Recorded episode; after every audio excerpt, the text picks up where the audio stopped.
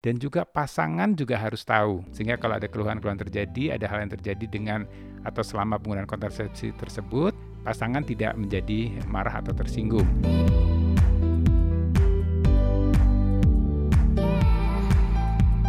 Sahabat berbagi kembali di podcast Dr. Boy Abidin, pilihan informasi kesehatan bagi Anda dan keluarga. Informasi yang akan saya bagikan kali ini adalah mengenai kontrasepsi. Tentunya para sahabat berbagi sudah paham betul ya apa itu kontrasepsi. Jadi kontrasepsi adalah suatu metode untuk mencegah terjadinya kehamilan, mencegah bertemunya sel telur dengan sel sperma sehingga harapannya tidak terjadi pembuahan dan tidak terjadi kehamilan. Metode kontrasepsi ini banyak, pilihannya banyak sekali, kemudian caranya juga banyak sekali. Kalau kita kelompokkan, ini kontrasepsi ini ada dua paling mudah, adalah menggunakan hormon dan yang tanpa hormonal. Ya, ini pembagiannya pun juga bermacam-macam, tapi saya bikin lebih mudah aja supaya sahabat berbagi bisa cukup paham dan bisa lebih mantap nanti untuk memilih kontrasepsi apa yang sahabat berbagi akan gunakan.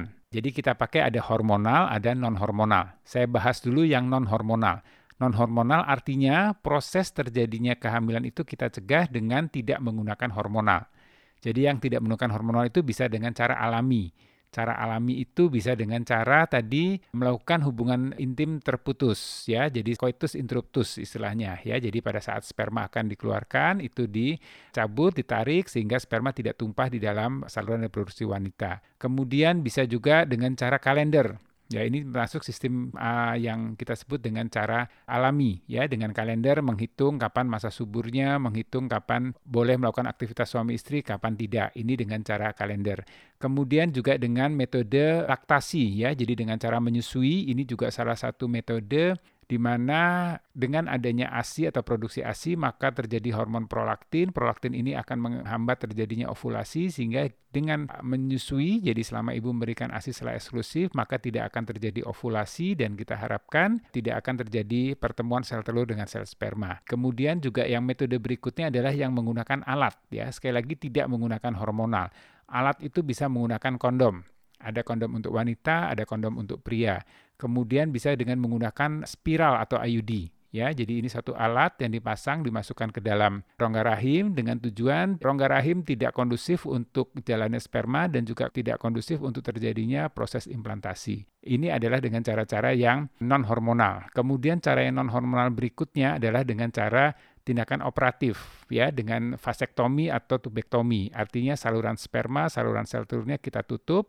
Kita harapkan tidak ada sperma yang keluar, tidak ada saluran telur yang masuk ke saluran tuba sehingga tidak ada proses pertemuan sel telur dengan sel sperma. Jadi kebayang ya, sahabat berbagi ya. Jadi ini yang non hormonal, sama sekali tidak menggunakan hormonal ya. Jadi bisa dengan metode alami, bisa juga dengan alat, bisa juga dengan tindakan operatif keberhasilan dengan metode yang non hormonal memang ini sangat bervariatif. Keberhasilan itu artinya kemungkinan mencegah terjadinya kehamilan ya. Jadi artinya ada nilai kegagalan. Bisa saja terjadi kegagalan dengan metode-metode non hormonal. Dengan yang hormonal, yang non hormonal ini memang jauh lebih tinggi, terutama yang cara alami dan yang dengan menggunakan alat. Beda dengan yang tindakan operatif tadi, ya. Jadi kalau saya boleh sebutkan angkanya, kalau dengan cara metode yang menyusui tadi, dengan cara sanggama terputus, dengan sistem kalender, ini angka kegagalan sekitar 10%. Dengan menggunakan kondom, itu sekitar 5%. Dengan menggunakan IUD, itu sekitar 1-2%. Ya, yang dengan menggunakan operatif memang angkanya uh, kecil ya, tapi uh, ini pilihan terakhir betul untuk mencegah satu kehamilan. Itu yang non hormonal. Jadi itu pilihan yang bisa sahabat berbagi pilih. Kemudian ada yang kita menggunakan KB hormonal. Nah, yang hormonal ini memang kita menambahkan hormon. Cara kerjanya dengan menambahkan hormon, maka dalam otak aseptor atau si pengguna KB tersebut akan berpikir bahwa kadar hormonnya sudah cukup sehingga otak akan stop untuk menghasilkan hormon yang membuat sel telur itu ovulasi. Jadi dengan cara hormonal ini biasanya kita menekan terjadinya ovulasi. Jadi yang tidak ada adalah sel telurnya. Ya, jadi kalau sudah menggunakan hormonal itu memang tujuannya atau e, cara kerjanya lebih ke kontrol dari hormon tadi. Hormonal ini bisa menggunakan pil, ya. Pil ada yang e, mini pil, ini biasanya digunakan untuk yang wanita yang masih menyusui, ya. Diminum setiap hari, kemudian ada yang kombinasi ya. Jadi kombinasi ini uh, ada estrogen, ada progesteronnya, ini diminum tiap hari juga. Kemudian ada yang uh, suntik ya, suntik ada yang satu bulan, ada yang tiga bulan. Kemudian uh, yang hormonal lagi bisa juga dengan PETS ya, ditempel itu ada pilihannya. Kemudian berikutnya ada juga yang menggunakan IUD atau IUS ya. Jadi semacam IUD tapi dia ditambahkan ada hormonalnya di dalam sehingga dia mencegah juga untuk terjadinya kehamilan. Jadi pilihan-pilihan ini yang hormonal memang keberhasilannya jauh lebih tinggi ya. Jadi kegagalannya rendah sekali ya di bawah satu persen. Dengan catatan tadi disiplin ya artinya kalau pil harus minum tiap hari kalau suntik itu harus suntik sesuai jadwal bisa satu bulan tiga bulan sekali. Ini perlu sekali kedisiplinan. Dan memang yang menggunakan hormonal ini ada efeknya pada tubuh wanita tersebut. Efeknya tentu bervariasi. Bisa dengan head yang tidak teratur bisa head yang bercak-bercak bisa juga tidak head sama sekali bisa juga ada keluhan penambahan berat badan pusing efek ke kulit dan segala macamnya. Jadi ini sangat individual ya. Jadi pemilihan kontrasepsi sekali lagi ada yang non hormonal dan juga ada yang hormonal. Nah, sekarang untuk memilih kontrasepsi ya para sahabat berbagi tentunya jangan ikut-ikutan. Nah, ini banyak juga ada yang orang kontrasepsi karena dia tidak tahu, tidak begitu paham mengenai pilihan kontrasepsi yang ada, kemudian menggunakan kontrasepsi hanya berdasarkan kata teman, hanya berdasarkan informasi dari saudara atau informasi dari orang tua, ya atau ya hanya sekedar coba e, coba-coba. Jadi sebaiknya untuk memulai suatu metode kontrasepsi ini ada konseling terlebih dahulu. Ini yang paling penting ya sahabat berbagi. Jadi konseling ini paling penting, konseling dengan tenaga medis, boleh bidan, boleh dokter atau memang uh, juru konseling uh, mengenai kontrasepsi yang sudah dilatih khusus untuk menjelaskan mengenai kontrasepsi. Jadi sahabat berbagi harus tahu betul, harus paham betul jenis kontrasepsinya apa, kemudian bagaimana cara pakainya, apa efek sampingnya, kalau terjadi efek samping bagaimana pencegahannya, kemudian apa bagaimana keberhasilannya, bagaimana kegagalannya itu harus difahami betul. Dan juga pasangan juga harus tahu Ya, jadi kontrasepsi ini bukan diam-diaman, jadi pasangan juga harus tahu sehingga kalau ada keluhan-keluhan terjadi, ada hal yang terjadi dengan atau selama penggunaan kontrasepsi tersebut, pasangan tidak menjadi marah atau tersinggung. Ya, kemudian nanti untuk memulai satu kontrasepsi ini harus betul-betul sudah yakin. Jadi sama seperti kalau sahabat berbagi datang atau belanja ke suatu supermarket, ya pilihan banyak. Barang nih di rak-rak itu tersusun rapi ya. Mulai dari harganya mulai dari isinya komposisi dan segala macam ya. Tentunya untuk membeli atau memilih barang yang ada di rak tersebut sahabat berbagi harus sudah yakin betul bahwa ini memang yang saya cari ini yang memang saya butuhkan. Jadi untuk sahabat berbagi itu tadi informasi mengenai kontrasepsi. Jadi sekali lagi untuk memilih suatu metode kontrasepsi, sahabat berbagi harus betul-betul yakin, harus sudah melakukan proses konseling ya sehingga pada saat dalam program kontrasepsi atau KB tersebut cukup nyaman, dirasa nyaman dan aman tentunya. Nah, sekali ini saya akan juga menjawab ini beberapa pertanyaan yang sudah disampaikan ya beberapa komen yang sudah disampaikan melalui channel YouTube Dr. Boy Abidin. Ini mengenai kontrasepsi kaitannya. Ini saya akan bacakan pertama dari Raditya Putra. Dok, saya baru hamil satu bulan, kemudian saya memakai IUD. Katanya nggak boleh dilepas karena risiko keguguran. Oke, jadi ini yang disebut dengan kegagalan penggunaan kontrasepsi. Jadi IUD tadi kan kegagalan sekitar 1-2 persen dia menggunakan KB IUD tapi tetap juga terjadi kehamilan. Oke, di sini ditanyakan memang betul dok harus tidak boleh dilepas. Ya, jadi biasanya kalau hamil dengan ada IUD biasanya kita tidak ganggu gugat IUD-nya ya karena memang betul ada risiko pada saat kita menarik atau melepas IUD-nya eh, kemudian takutnya akan terjadi perdarahan atau bisa juga terjadi keguguran. Ya walaupun memang ada beberapa teori atau buku yang menyarankan boleh saja sebelum eh, kehamilan itu masuk 10 minggu jadi bisa dilepas ya. Tapi kalau saya kalau pasien hamil dengan IUD di dalam teruskan aja jadi nggak usah takut nih, kadang-kadang ada pasien yang kemudian bertanya, dok nanti ini kan mengganggu tumbuh kembang bayi. Tidak bu. Ya dok nanti ini bisa nempel di kepala bayi. Enggak bu.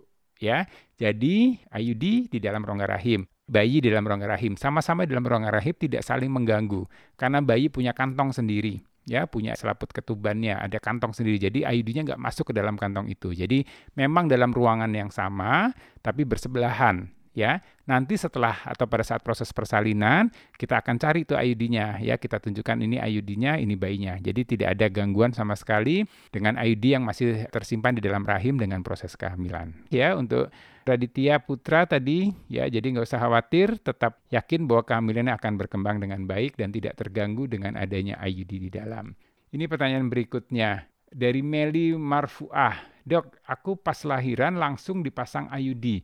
Nah, ini sebenarnya timing. Kalau kita bahas mengenai IUD, pemasangan IUD itu sebenarnya memang bisa dilakukan pada saat baru melahirkan. Apakah baru sesar, lahir normal bisa kita pasang.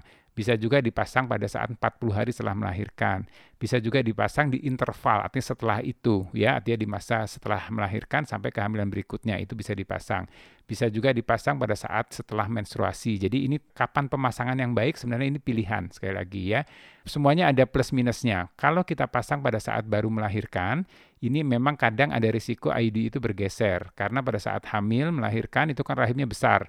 Nah, kalau rahim besar, sedangkan IUD-nya kecil, kalau kita pasang saat itu, pada saat rahim kembali ke ukuran kecil, kadang IUD-nya bergerak atau bergeser.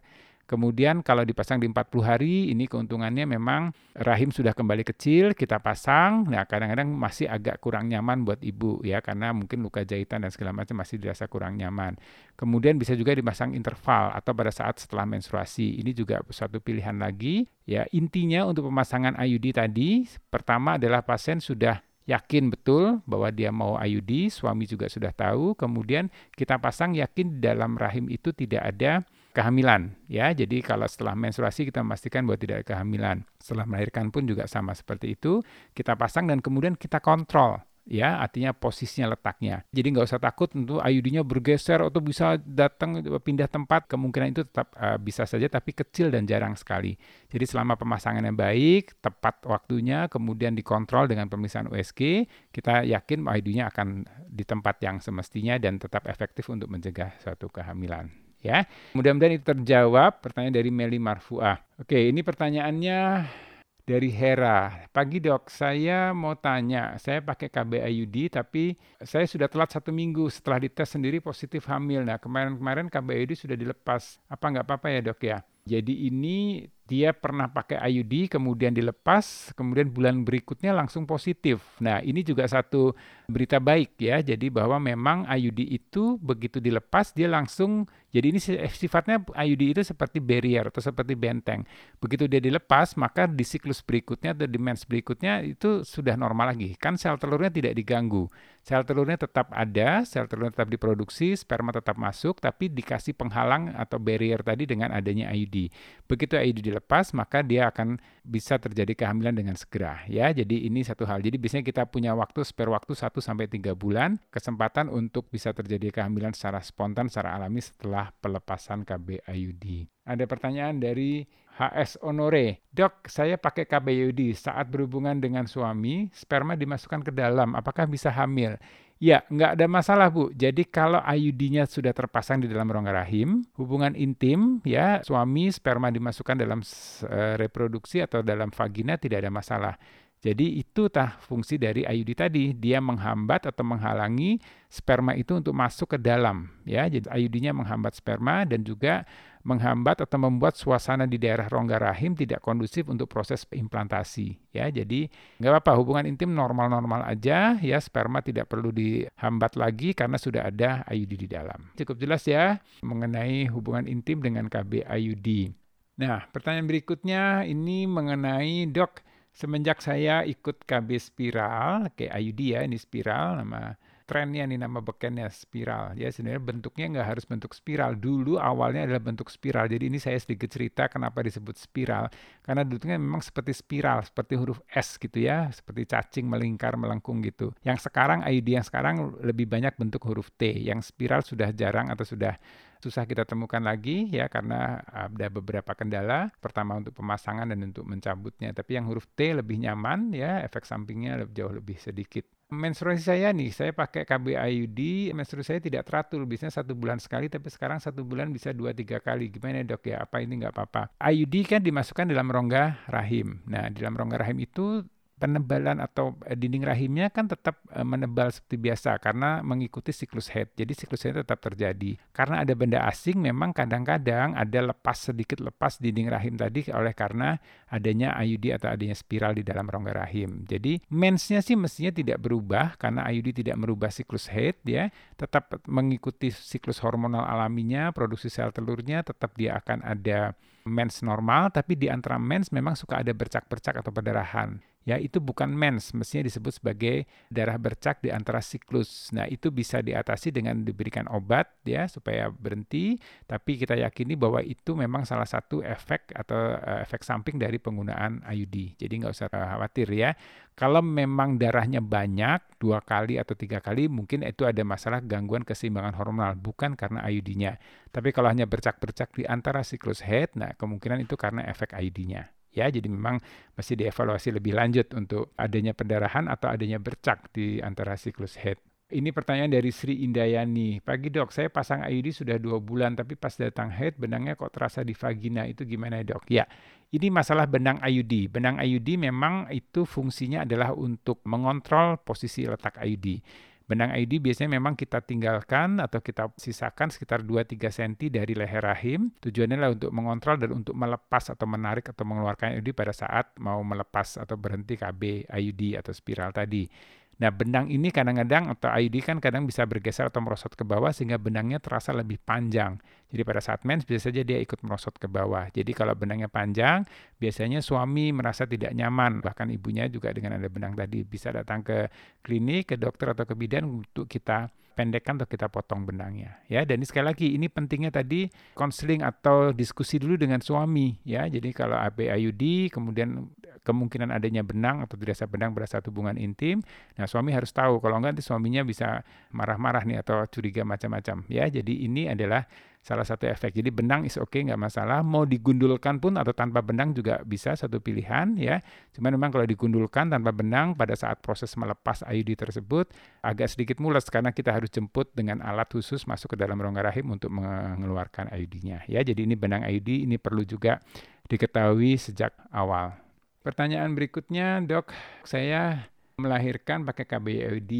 Ini yang efektifnya untuk 10 tahun dan mulai pasang tahun 2010.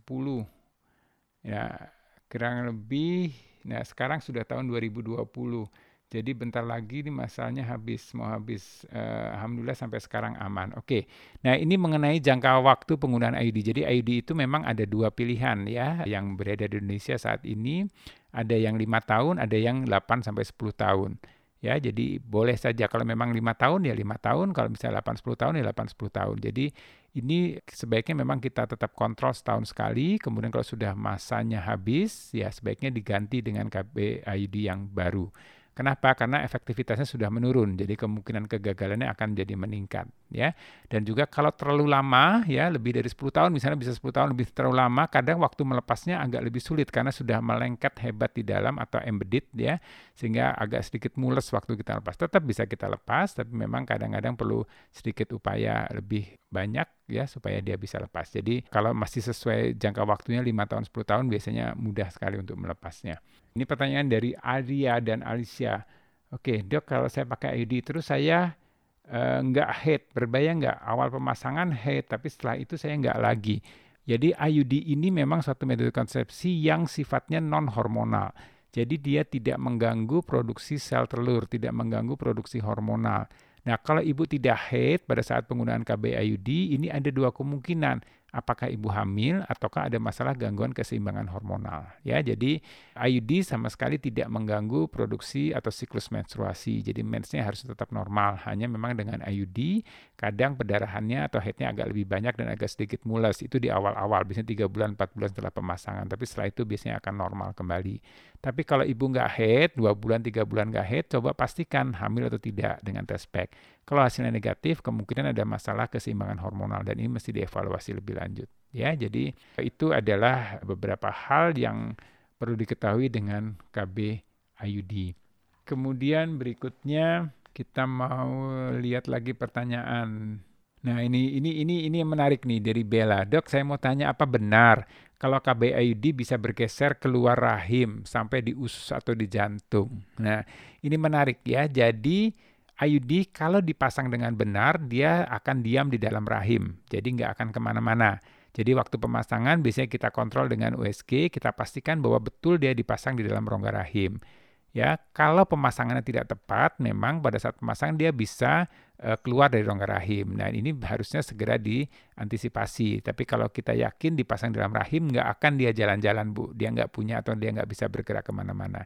Dan kontrol setahun sekali. Yang bisa yang mungkin adalah begitu dipasang ada di dalam rahim, kemudian dia merosot atau keluar melalui vagina. Jadi keluar bersama dengan darah head ya ini bisa jadi ekspulsi spontan istilahnya. Jadi keluar secara spontan secara alami. Sehingga ibunya hamil kemudian waktu dicari atau dicek kok nggak ada IUD-nya ternyata IUD sudah keluar secara spontan. Jadi saran saya nih untuk yang menggunakan KB IUD pada saat mens pada saat mensnya banyak darahnya banyak begitu ditampung di pembalut itu kan kelihatannya ada gumpalan darah. Nah sebaiknya itu coba dicek dipastikan tidak ada IUD yang ikut merosot bersama dengan darah head yang banyak tadi Ya, kalau dia memang ada, ya oke okay, berarti dia merosot atau lepas secara spontan. Tapi kalau nggak ada, ya oke. Okay. Makanya itu perlu dikontrol setahun sekali untuk memastikan bahwa IUD-nya masih ada di dalam rahim. Ya, jadi bisa terjadi eksposi spontan atau keluar ke bawah, bukan naik ke atas bu, bukan ke usus, bukan ke jantung. Ya, jadi nggak usah takut dengan rumor-rumor, dengan mitos-mitos bahwa dengan KB IUD kemudian ini bisa pindah atau bisa jalan ke mana-mana. Ya, dia tetap di dalam, ya paling mungkin atau bisa terjadi eksplosif spontan walaupun itu kejadiannya tidak sering atau sangat jarang ya. Dok mau tanya KBID sudah 8 tahun kok belum aku copot mau copot tapi takut. Nah ini tadi saya bilang ya kalau memang ID-nya sudah lewat masa pakainya sebaiknya dilepas ya. Makin lama makin menunda nanti makin lebih sulit untuk melepasnya. Kalau masih disesuai di waktunya biasanya melepasnya masih lebih mudah. Jadi nggak usah takut ya. Ini untuk pertanyaan dari Anda Oppo. Nah ini pertanyaan berikutnya. Saya mau tanya dok, saya suka banget dengan IUD, kemudian bebas sakit kepala dan mood rusak karena hormonal. IUD memang sangat rekomen ya dok ya? Ya, betul sekali Bu. Jadi IUD itu memang dia tidak ada hormonalnya. Jadi sekali lagi itu adalah KB yang non hormonal. Ya, jadi non hormonal itu tidak ada efek bikin pusing, gangguan mood dan segala macamnya. Jadi lebih nyaman, lebih praktis ya, lebih ekonomis juga. Jadi ini kalau kita bahas hari ini lebih banyak memang mengenai kontrasepsi IUD. Ya. Kemudian ini pertanyaan berikutnya ada, Bu Tuti bertanya, dok kalau misalnya saya pakai KB IUD kemudian nggak diperiksa atau nggak dikontrol, gimana dok ya? Ya, kalau nggak dikontrol kita nggak tahu pasti bahwa ID-nya masih efektif atau masih tetap di dalamnya atau masih di posisi ya. Jadi itu sebaiknya dikontrol ya Bu Tuti ya.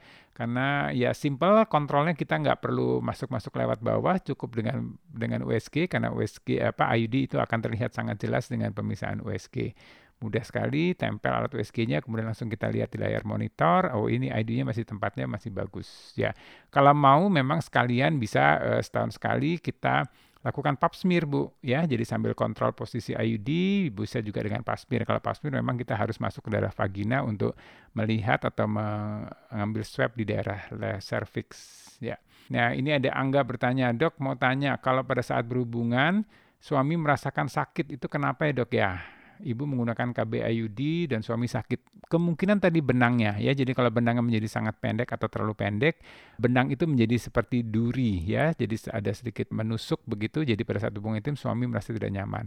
Ibu bisa minta bantuan tenaga medis untuk dilihat posisi benangnya, perlu dipotong atau dirubah posisinya supaya uh, tetap nyaman untuk suami ya. Dan ini sekali lagi tadi perlunya konseling dengan suami dengan penggunaan KBID salah satunya sehingga suami tidak kemudian menjadi uring-uringan ya karena terasa sakit pada saat hubungan intim. Nah ini pertanyaannya, Esti Erawati, dok saya mau tanya, kalau saya tidak KB, apakah berbahaya? Enggak ada bu, enggak berbahaya. Jadi KB ini adalah sekali lagi pilihan untuk metode kontrasepsi ya. Jadi tujuan KB itu kan bisa menunda. Jadi kalau Anda misalnya menikah tapi belum mau punya anak dulu, ya boleh Anda menikah, melakukan hubungan intim secara teratur, tapi belum mau hamil, itu sifatnya atau pilihannya adalah menunda.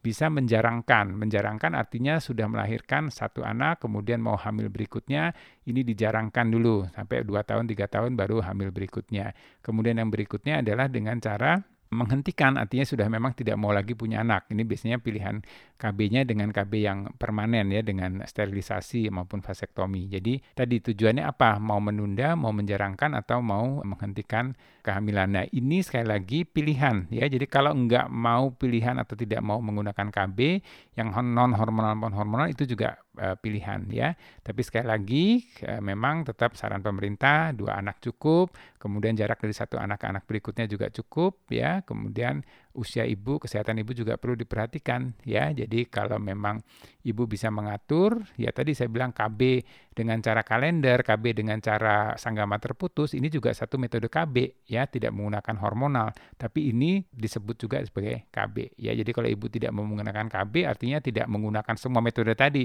yaitu pilihan juga. Apakah bahaya? Tidak ya selama jumlah anak cukup ibu sehat terus oke okay ya. Jadi sekali lagi ini adalah tadi keluarga berencana. Keluarga berencana adalah supaya keluarganya sejahtera ya. Jadi sejahtera itu artinya tiap keluarga yang sejahtera itu artinya suami istri anak semua uh, tercukupi kebutuhan sandang pangannya pendidikannya dan segala macam. Jadi ini sekali lagi adalah perencanaan masing-masing keluarga. Jadi mau KB mau tidak KB itu pilihan. Ya jadi tidak ada bahaya atau tidak bahaya saya coba baca lagi beberapa pertanyaan yang ada di channel YouTube Dr. Boy Abidin. Ya, jadi ini menarik ya, jadi mengenai kontrasepsi. Jadi ini topiknya lebih banyak mengenai IUD. Jadi intinya mengenai KB itu adalah metode kontrasepsi yang ada pilihan hormonal dan non hormonal.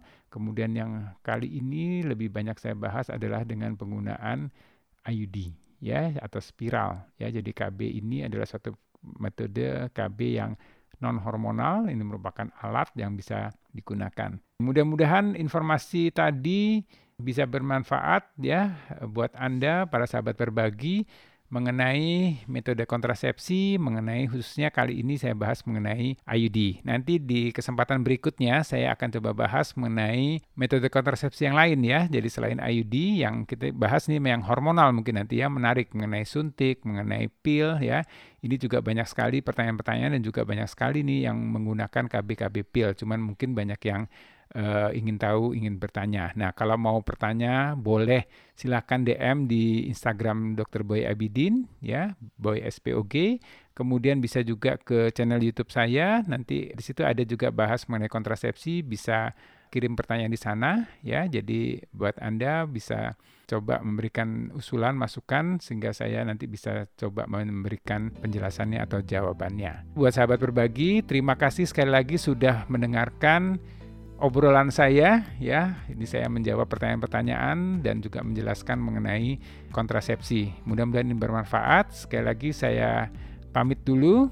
Podcast Dr. B. Abidin, pilihan informasi kesehatan bagi Anda dan keluarga.